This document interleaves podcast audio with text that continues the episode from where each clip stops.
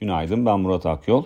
Haftanın son iki işlem gününe girerken makroekonomik göstergelerin biraz daha öne çıkmasını bekliyoruz. Dün Amerika'da üfe rakamı açıklanmıştı ve piyasa beklentisinden daha yüksek bir rakamla karşılaştık. Bugün de tüfe rakamı açıklanacak.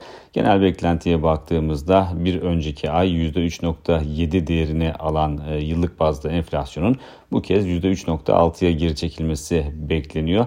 Beklentilerden daha yüksek bir rakam ortaya çıkması durumunda piyasalarda risk iştahının zaten Orta Doğu'daki savaş nedeniyle e, kırılgan olduğunu düşünürsek yüksek bir rakam e, piyasada risk iştahını belirgin şekilde daraltabilir ki zaten dün üfe rakamı da yüksek geldi. Piyasada beklentisinin üzerinde geldi. Bir önceki ayda zaten tüfe rakamı yine piyasa beklentisinin üzerinde e, bir değer almıştı.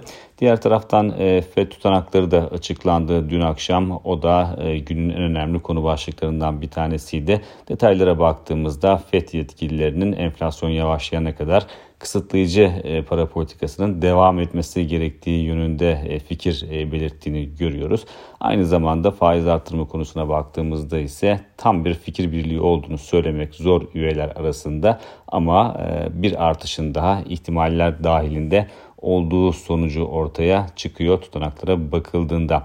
E, Borsa İstanbul'a döndüğümüzde ise Borsa İstanbul e, önceki gün e, hafta başındaki pazartesi günkü kayıplarını e, önemli ölçüde geri almıştı. Ama çarşamba günü e, yeniden zayıf bir performans ortaya koydu ve 8400 puan seviyesinin altında kapanış yaptı ki burası da zaten sıklıkla dile getirdiğimiz gibi e, oldukça önemli bir teknik seviye. Dolayısıyla haftanın son iki işlem gününde yeniden 8400'ün üzerinde bir e, kapanış görecek miyiz, görmeyecek miyiz?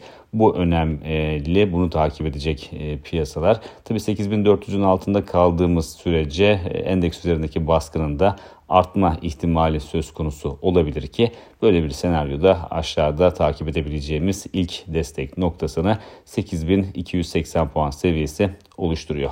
Bir sonraki podcast'te görüşmek üzere.